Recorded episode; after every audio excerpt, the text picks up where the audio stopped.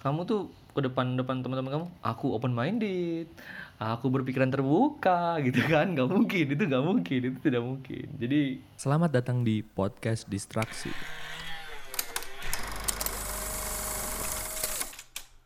Mari berdistraksi sejenak. Assalamualaikum warahmatullahi wabarakatuh. Ya gimana kabarnya kamu di sana yang lagi dengerin aku? Semoga baik-baik aja dan sehat-sehat aja. Dan aku mau ucapin banyak terima kasih banget buat kalian yang udah dengerin aku dari episode pertama mungkin sampai sekarang ini episode ke-15. Eh, di episode kali ini sesuai yang udah dinyatakan di Instagram Instastory, cie di Instastory, eh, aku bikin kayak polling gitu mau bahas apa dan kalian banyak yang milih eh, tentang open mind gitu. Nah, sebenarnya kan aku bikin dua pilihan yaitu adalah ikigai sama open mind. Kalian milihnya open mind, tapi sebenarnya ikigai itu seru loh kalau dibahas. ikigai itu kayak istilah dari Jepang di mana itu adalah alasan orang bangun pagi gitu. Keren banget kan? Jadi pokoknya itu filosofis banget lah bagi orang Jepang. Tapi nanti mungkin dibahas di episode selanjutnya aja kali ya karena emang kalian kalian sebenarnya banyak yang ngevote tuh teman-teman aku di Instagram tuh milih uh, open mind gitu. Dan oke, kita bahas aja open mind. Nah, sebelum aku ngebahas sendiri, Cie, aku sempat minta opini teman-teman aku, menurut mereka tuh open mind tuh kayak gimana. Dan ya ini adalah uh, open mind menurut mereka. kalau aku ya Menurut kamu open mind itu kalau aku open minded itu dia kan sebenarnya open minded itu bisa kalau aku bisa menerima pendapatnya orang lain cuman kalau aku orang ngomong apa ke aku itu nggak 100% aku iakan. Ya kita cari tahu dulu dong nggak bisa dong kita ngomong. bisa seorang ustadz pun nih ngomong nih kalau misalnya dia ngomong kalau ini bla bla bla loh kalau kita cuman hanya sekedar nerima Iya, iya nerima aja gitu ya. iya iya aja nggak bakal berpengaruh dalam hidup kita. Tapi kalau dia ngomong kita cari tahu dulu dong. Sampai kita benar-benar paham sendiri dong pasti kita bakal ngelakuin ya nggak sih? Kalau Iya. orang cuma ngomong ah lu ntar duduk depan pintu si contoh hal-hal sepele ya hal kecil kayak mitos-mitos yang nggak jelas lu, lu, lu, lu- apa lu duduk depan pintu tuh nggak bakal dapat jodoh kayak gitu ya tapi kalau kita kalau kalau si orang-orang pada percaya, ya dia nggak bakal ngelakuin itu ya misalnya Iya. kayak gitu kalau dia emang takut tapi kalau misalkan kita cari tahu dulu dong tuh bener apa enggak jadi Iya. open minded itu menurut aku menerima pendapat orang lain tapi nggak diterima bukan nggak langsung secara nggak langsung utuh. Iya. diterima 100% Oke. kalau aku gitu Sasya, menurut Sasya open mind itu kayak Iya, mana? sama. Sama aja. Oh ya udah terima nggak kasih. ngebantah loh tapi nggak ngebantah Betul, orang betul, jadi betul, kita betul. nerima misalnya saya aku bilang Sasha kamu maaf ya ini nih jilbabnya nggak rapi nih bagian ini misalnya gitu ya nah setelah itu yang kamu lakukan langsung diperbaiki atau kamu Iya. cari kaca dulu nih Heeh, apa cari kaca dulu cari kaca dulu jadi kita cari sesuatu dulu untuk oh iya benar tapi kalau misalnya kan kita udah kaca enggak kok rapi menurut dia Berarti kayak kan menguatkan udah. statement ya. Mm-mm, jadi kan Alright. harus cerita dulu dong kayak misalnya eh jam tangan kamu ini loh apa namanya eh, terlalu kecil kalau di tangan kamu gitu kan. Lah kita lihat dulu. Kalau menurut dia seperti itu kalau menurut kita enggak kan? Enggak, iya, it's okay, beda. nggak masalah kan? Kan kita nyamannya Oh, iya, sama iya, iya, iya, iya, itu. sama hal yang kita Ah. ini dong. Eh, soalnya sekarang banyak kan ya kalau di apa tuh namanya di sosial media netizen maha benar itu. Oke. netizen netizen yang maksudnya kayak apa sih? Iya maksudnya kayak ada orang yang berpendapat A terus misalnya eh, ada orang yang menimpali B.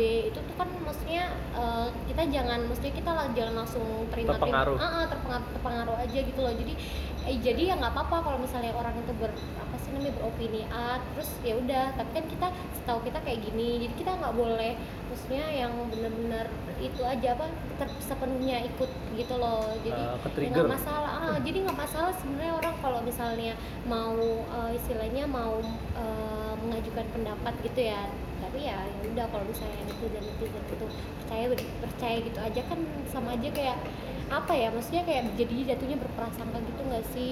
Soalnya ya nggak tahu juga gitu. Eh kedengeran nggak? Menurut aku sih yang paling penting pertama ya eh orang aku jadi malu kalau gitu. Orang itu bisa open minded ketika dia punya pengetahuan yang banyak gitu. Jadi orang-orang yang pengetahuannya nggak banyak justru mereka tuh open minded cuma di mulut doang. Oke aku open minded terus pas orang lain ngomong enggak deh kayaknya menurut aku gini deh seharusnya. Dia nggak bisa nerima pasti. Itu open minded orang-orang yang pengetahuannya itu cetek gitu. Wow. dengan kita banyak pengetahuan gitu ya seandainya Oke, gimana gimana? jadi kayak yang Ayu bilang tadi itu seandainya eh, banyak orang sekarang tuh open minded tapi mengartikan open minded itu adalah dengan menerima apa pun pendapat orang lain. Ya menurut aku ketika kita itu banyak pengetahuannya kita bisa memfilter itu secara otomatis gitu loh. Jadi seandainya nih Ayu bilang gini loh Del gini gini gini gini gini. Oke aku terima. Tapi karena aku open minded dengan pengetahuan yang udah banyak aku bisa memfilter itu secara otomatis gitu loh. Jadi nggak semua pendapat Ayu itu bisa aku terima. Jadi menurut aku orang yang benar-benar open minded itu adalah orang yang pengetahuannya harus banyak dulu gitu. Jadi dia bisa nerima berbagai hal itu dari berbagai perspektif sudut pandang kayak gitu. Oke. Oke, terima kasih Dela. Iya. Dela ini eh, jurusan HI ya? Iya, benar. Dari Universitas Diponegoro. Universitas Diponegoro. HI itu bukan Iya, hubungan iya. internasional Apa? karena bakal LDR ya Nah, itu tadi menurut mereka tentang open mind. Ada ada Sasha juga, sorry. Tadi ada Sasha, ada Ayu sama Dela, sorry. Dan eh, menurut aku pribadi, open mind itu adalah orang yang ketika diberikan pendapat oleh orang lain Allah ketika dia diberikan pendapat oleh oleh oleh orang lain dia itu mendengar apa dia itu mencoba melihat sudut pandang orang yang berpendapat gitu. Kayak misal em, em, misalnya aku berpendapat gini sebenarnya kamu tuh yang kayak dicontohin Ayu tuh tentang kerudung ya. Nah misal kalau aku tuh contohnya sebenarnya kamu kenapa sih ngambil pemasaran gitu kan dari manajemen tuh ada pemasaran ada keuangan ada SDM sebenarnya enakan SDM tahu kita tuh bisa ngatur orang-orang lebih asik gitu ngatur orang-orang daripada kamu kayak ngatur pemasaran ya itu mah bisa learning by doing. Nah mungkin menurut mereka yang mungkin open minded dia bakal ngira "Eh, ya bener sih kata Arik. Tapi itu tergantung balik lagi ke orangnya. Orang itu nggak bisa nerima secara utuh. Kalau eh, aku apa aku bilang eh, SDM tuh lebih baik gitu. Tapi eh, menurut mereka ya pemasaran lebih bagus mungkin. Atau keuangan lebih bagus gitu. Tapi ya itu baik lagi masing-masing. Jadi sebenarnya menurutku sih open mind itu kita belajar mencoba melihat sudut pandang orang lain. Tapi kita tidak bisa percaya 100% terhadap opini itu gitu. Iya itu sih menurut aku. Open mind tuh kayak gitu. Kayak misalnya yang lagi rame kalau kamu tahu BMTH Bring Me the Horizon itu kan eh, aku taunya baru sekarang sih gara-gara aku ngelihat Instagram anaknya basis gigi namanya Bounty Ramdan dia ngebahas kayak tentang lagunya BMTH yang baru yang katanya sih itu nggak apa nggak BMTH banget yang kayak dulu gitu nggak kayak BMTH yang dia kenal lah istilahnya. Tapi ya mau gimana lagi BMTH juga perlu pasar perlu duit perlu cari makan juga dari situ kalau dia ngikutin egonya sendiri yang kayak lagunya teriak-teriak mulu scream-screaman mulu mereka mungkin nggak bakal dapat pendengar baru gitu nggak mungkin ada yang baru. Dan iya dengan lagu dia yang sekarang menurut aku sih ya emang ngikutin pasar lagunya tuh kayak eh, ngikutin yang lagi rame sekarang gitu genrenya tuh yang lagi tren sekarang gitu. Nah itu mungkin salah satu contoh buat orang tuh berpikir terbuka gitu biar kalian tuh nggak harus menjudge orang dengan hal yang dia pernah lakukan dulu mungkin hal yang pernah diberikan dulu mungkin. Mungkin dia udah berubah sekarang mungkin dia ada alasan lain untuk mengatakan hal itu. Nah kayak gitu sih.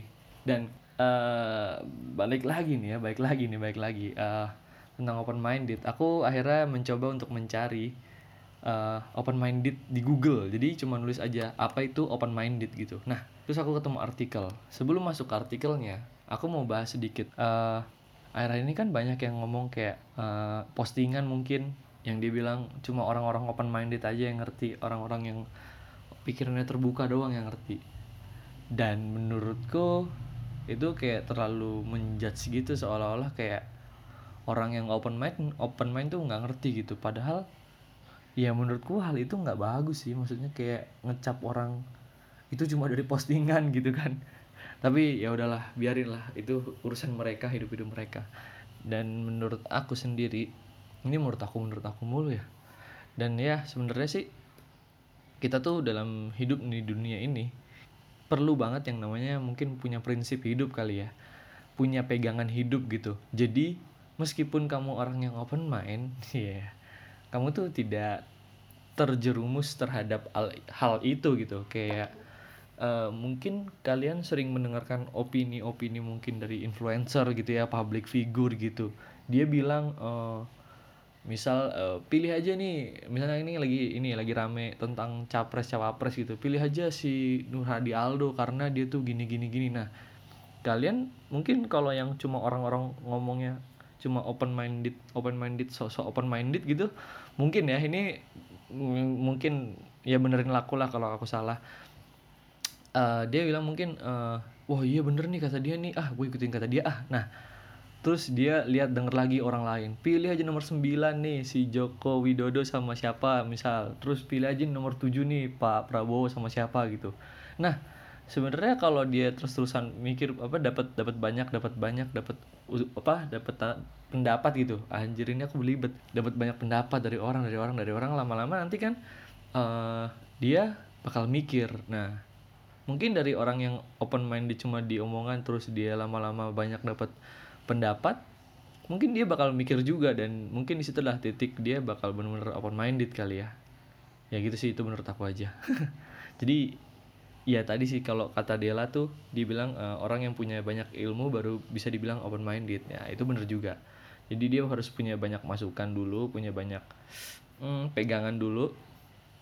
Jadi mungkin dia bisa dibilang open minded karena ya itu. Dan oke kita masuk artikelnya aku dapat artikel dari IDN Times itu adalah tujuh tanda bahwa kamu sungguh orang yang open minded yang pertama dia bilang gini "Eh, kamu tidak mengucapkan berulang kali bahwa kamu orang yang open minded kayak kamu tuh ke depan depan teman-teman kamu aku open minded aku berpikiran terbuka gitu kan. Nggak mungkin itu nggak mungkin itu tidak mungkin. Jadi ya mungkin nggak ada lah orang kayak gini. Tapi nggak tahu juga sih. Di deskripsinya adalah berpikiran terbuka itu artinya paham bahwa ada banyak macam orang dan segala macam jenis manusia dan segala macam pemikiran di dunia ini. Dan sebenarnya jadi open minded itulah eh, orang-orang yang bisa menerima gitu segala macam hal yang ini secara ini ya istilah gitu. Jadi open minded itu orang yang bisa menerima sesuatu pemikiran sesuatu pendapat sesuatu eh, statement atau opini. Tapi cia kamu tuh menanggapi hal itu tuh biasa aja meskipun itu berbeda dengan keyakinan kamu gitu. Misal aku meyakini hal ini misal gini eh sebenarnya tuh makan plastik ya itu nggak baik. Nah misal kata orang lain makan plastik tuh baik tapi ketika orang ngomong makan plastik itu baik kita harus menerima gitu loh. Bukan menerima dalam artian nanti oh bener nih makan plastik tuh baik bukan gitu tapi kita mendengarkan menghormati gitu. Tapi menurut aku ya gitu. Mungkin kamu bisa melemparkan opini kamu juga. Jadi sebenarnya open minded tuh bukan bermaksud semua diterima tapi eh, kita menghargai sudut pandang orang lain. Ya itu keren banget sih. Nah lanjut lagi. Yang kedua itu adalah kamu tidak mudah menilai dan menyimpulkan sesuatu begitu saja. Nah, seperti yang tadi aku bilang, jadi kalau kamu dapat sebuah pendapat atau opini, jadi jangan langsung disimpulin kayak gitu-gitu aja, jangan langsung eh, misal disuruh nomor 10 milihnya, ntar ya udahlah nomor 10 aja lah gitu misal atau milih nomor 9 atau 8 7 ya. Ntar milihnya itu aja lah gitu. Tapi kita harus melihat dulu nih, kira-kira yang diomongin tuh gimana sih? Kita cari sumbernya, kita cari eh, fakta-faktanya yang dia pendapat dia tuh kayak gimana terus misal ada perbandingan kamu lihat dulu perbandingan. Nah ntar kamu tinggal simpulin diri sendiri bagaimana pilihan tersebut. Tapi ini dalam urusan yang em, apa urusan-urusan duniawi gitu ya. Mungkin kalau agama kan sudah ada mazhab mungkin sudah ada eh, ya pokoknya kalian ngerti lah yang mungkin yang sudah mulai hijrah gitu kali ya. Aduh apaan sih Arik? Nggak jelas banget. Lanjut aja lah. Eh, ke nomor tiga. Kamu akan berkomentar setelah mencoba segala sesuatu. Nah, ini gimana maksudnya? Kamu tidak akan memberikan komentar dan melihat sesuatu yang belum pernah kamu coba. Kamu akan menghindarkan diri dari kebanyakan menduga-duga. Nah, itu dia.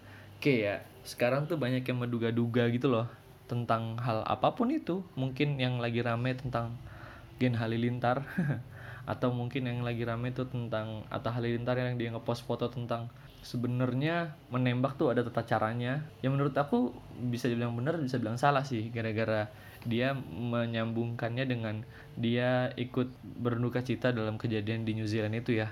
Sebenarnya kalau dilihat bilang dilihat dari kata-katanya tata cara sebenarnya tata cara menembak tuh ada. Nah mungkin dia kurang nambahin kata-kata kali ya pertama dia bilang tata caranya. Benar sih ada tata caranya. Cuma yang salah tuh eh, pemikiran moral si penembaknya itu gitu loh. Mungkin dia nembak caranya benar cuma karena dia nggak punya moral jadi dia eh, salah menggunakan meskipun tata caranya benar gitu. Gimana jelasinnya? Pokoknya kayak gitulah ya. Lanjut lagi nomor 4 hampir tidak ada kata pasti atau tidak mungkin dalam kamusmu. Hmm maksudnya dari Identims itu gimana nih jadi di luar bahasan kepercayaan dan agama kamu akan terbuka dengan segala kemungkinan yang ada dan tidak mengotakkan pikiranmu hanya berdasarkan ilmu atau pengalaman pengalamanmu aja kamu akan bisa menampung ide dan masukan dari orang lain seperti apa pun tanpa berkomentar dan judgmental terhadap orang tersebut. Oke, ini hmm, bener sih ya. Kalau misal agama kan kita nggak bisa kayak me- me- apa ya meskipun ya ya ya jangan bahas itu deh. Kayaknya berat banget gitu. Kayak misal pendapat di kelas mungkin lagi diskusi, mungkin lagi berkomentar di Instagram gitu. Kita tetap harus melihat ya itu tadi aku bilang kayak melihat sudut pandang orang dalam memaknai hal itu meskipun itu tidak sesuai dengan kita gitu yang kelima kamu tidak gampang terpengaruh dengan apa kata orang nah ini tadi yang tadi aku bilang ya gitu. Nah terus yang keenam kamu adalah orang yang cenderung objektif terutama yang menyangkut kepentingan bersama. Jadi ini sangat penting nih ya. Kalau kita dalam sebuah eh ini sih aku pengen ngaitinnya sama politik gitu tapi aku nggak ngerti-ngerti banget. Jadi kayak kita tuh apa ya istilahnya ya? Hmm kita tuh memilih tuh harus melihat orang lain juga gitu. Kayak mungkin sebenarnya aku tuh nggak mau deh jangan deh jangan bahas politik deh. Gue nggak berani karena kan banyak juga yang milih karena kepentingannya. Misal dia seorang petani gitu. Nanti kalau dia milih nomor tiga nanti orang ini bakal fokus ke pertanian. Nanti itu bakal menguntungkan dia. Terus misal ada yang milih nomor 4 dia tuh nggak fokus ke petani tapi dia fokusnya ke pabrik-pabrik. Nah pasti orang-orang pabrik milihnya itu. Ya itu sih. Itu susah kan milihnya? Udahlah kita jangan bahas politik. Bingung. Pokoknya kamu tuh harus seobjektif mungkin ketika dalam forum gitu dalam kepentingan bersama gitu yang ber- bersangkutan dengan bukan cuma untuk kamu aja tapi untuk orang lain juga gitu. Terus yang ketujuh kamu tidak menyukai sesuatu atau membenci sesuatu secara berlebihan gitu. Nah menurutku ini keren banget sih tentang apa yang terakhir ini ya nomor tujuh ini adalah tidak membenci sesuatu berlebihan dan tidak menyukai sesuatu pun berlebihan gitu. Jadi iya biar seimbang aja gitu. Kalau orang sudah benci berlebihan misal kepada Gen Halilintar gitu dia benci bet kayaknya wah kalau lihat keluarga dia di postingan mana gitu bawaannya pengen komen gitu kan. Misal ini misal aja nih ini misal nih. Karena sempat ada kejadian sih ya ini Netflix Indonesia dia menggunakan jasa jasa foto model Gen, Gen Halilintar Grand lagi Gen Halilintar buat promosi film The Am- film. Itu film apa serial sih? Aku juga nggak tahu. Pokoknya The Umbrella Academy. Nah sebenarnya kalau kita bahas ini tuh seru loh. Eh, ya kita lihat aja sudut pandangnya si Netflix kenapa dia milih itu. Misal kalau menurut aku nih ya si Netflix kenapa butuh itu? Karena dia pengen meningkatkan jumlah pelanggannya. Pengen memperluas aja gitu jumlah pelanggannya. Kayak misalnya gini eh kalau dalam sebuah pembuatan film gitu yang aku tahu anggaplah film youtuber. Kalau nggak salah kan ada ya film youtuber ya? Atau filmnya siapa gitu lupa aku. Pokoknya yang isinya tuh ada si Reza Octavian, Dovelda Lopez dan gitu-gitu. Nah mereka itu kenapa dipilih jadi pemeran filmnya? Sebenarnya mungkin dia tidak punya bakat di film atau dia tidak punya bakat acting. Sebenarnya ya mungkin PH-nya production house-nya menginginkan keuntungan. Jadi mungkin dia perhitungannya gini dia melihat si eh, Reza Octavian subscribernya berapa followernya berapa. Terus dilihat Jovialda Lopez followernya berapa. Eh, terus si Andovi kita lihat followernya berapa subscribernya berapa gitu kan. Nah nanti tinggal dihitung-hitung aja tuh dari beberapa jumlah follower ntar kira-kira berapa persen nih orang dari follower mereka yang nonton gitu. Nah itu mungkin salah satu kenapa eh, banyak sekarang kayak orang-orang influencer gitu main film. Karena ya mungkin mereka dilihat karena subscribernya gede terus nanti filmnya jadi laku mungkin sejumlah subscribernya kayak gitu kan. Ya itu bisa jadi sih itu menurut aku. Nah kenapa Netflix melakukan itu? Karena melihat Gen Halilintar ini lagi naik daun lagi rame si Atta Halilintar juga lagi rame kan. Jadi dia mencoba memanfaatkan tapi ya sebenarnya dibilang bagus ya bagus dibilang enggak ya juga ya emang nggak bagus gitu jadi si Netflix ini mungkin mencoba kali ya buat eh, mera- me- me- mencari gitu ya apa bahasanya? Mencari pasar gitu untuk ke gen-gen halilintar yang rata-rata mungkin kayak ada anak kecil. Sebenarnya kan di Netflix nggak cuma film-film anak gede nggak sih? Kayak ada film film-film anak kecilnya juga nggak sih iya nggak tahu sih aku juga nggak tahu. Aku nggak ikutin Netflix. Ya anggaplah kayak gitu. Misal ada film-film yang sebenarnya nggak nggak cuma buat anak gede doang ada juga yang film sama anak-anak. Dan emang kita lihat kebanyakan followersnya Saai mungkin followersnya yang Katan Ha- Halilintar yang bocah banget tuh yang anak yang paling terakhir. Itu kan banyak yang anak-anak kecil yang masih imut-imut gitu sampai ya adekku sendiri. Dia juga ngefollow Atta Halilintar dan ya, ya pokoknya sekeluarga lah di follow kali sama dia. Dan itu menurutku jadi sesuatu yang bagus juga untuk promosi si film Netflixnya ini. Tapi ya mungkin image-nya jadi jelek kali ya karena emang Gen Halilintar mungkin terkenal dengan dia videonya clickbait. Mungkin dia terkenal dengan kalau kata Yuda Keling itu dia keluarga nggak ber keluar sekelompok keluarga yang tidak berbakat gitu. Tapi ya mungkin kita coba belajar aja kali ya. Kita tidak bisa langsung ngejudge dengan uh, parah gitu kayak di komentarnya tuh ah gue udah nggak langganan gue udah nggak mau nang- langganan Netflix ah gue pindah ke Indo XX1 aja gitu download download gitu kan. Ya itu terserah kalian aja cuma mungkin Netflix punya strategi sendiri tapi ya dia tidak memperhatikan dampak uh, terhadap orang-orang yang mungkin uh, sudah langganan sama dia gitu kan. Tapi ya nggak tahu juga lah namanya kita mencoba lihat sudut pandang dari Netflix dan dari netizen juga kan tapi ya udah itu hak-hak sendiri gitu loh.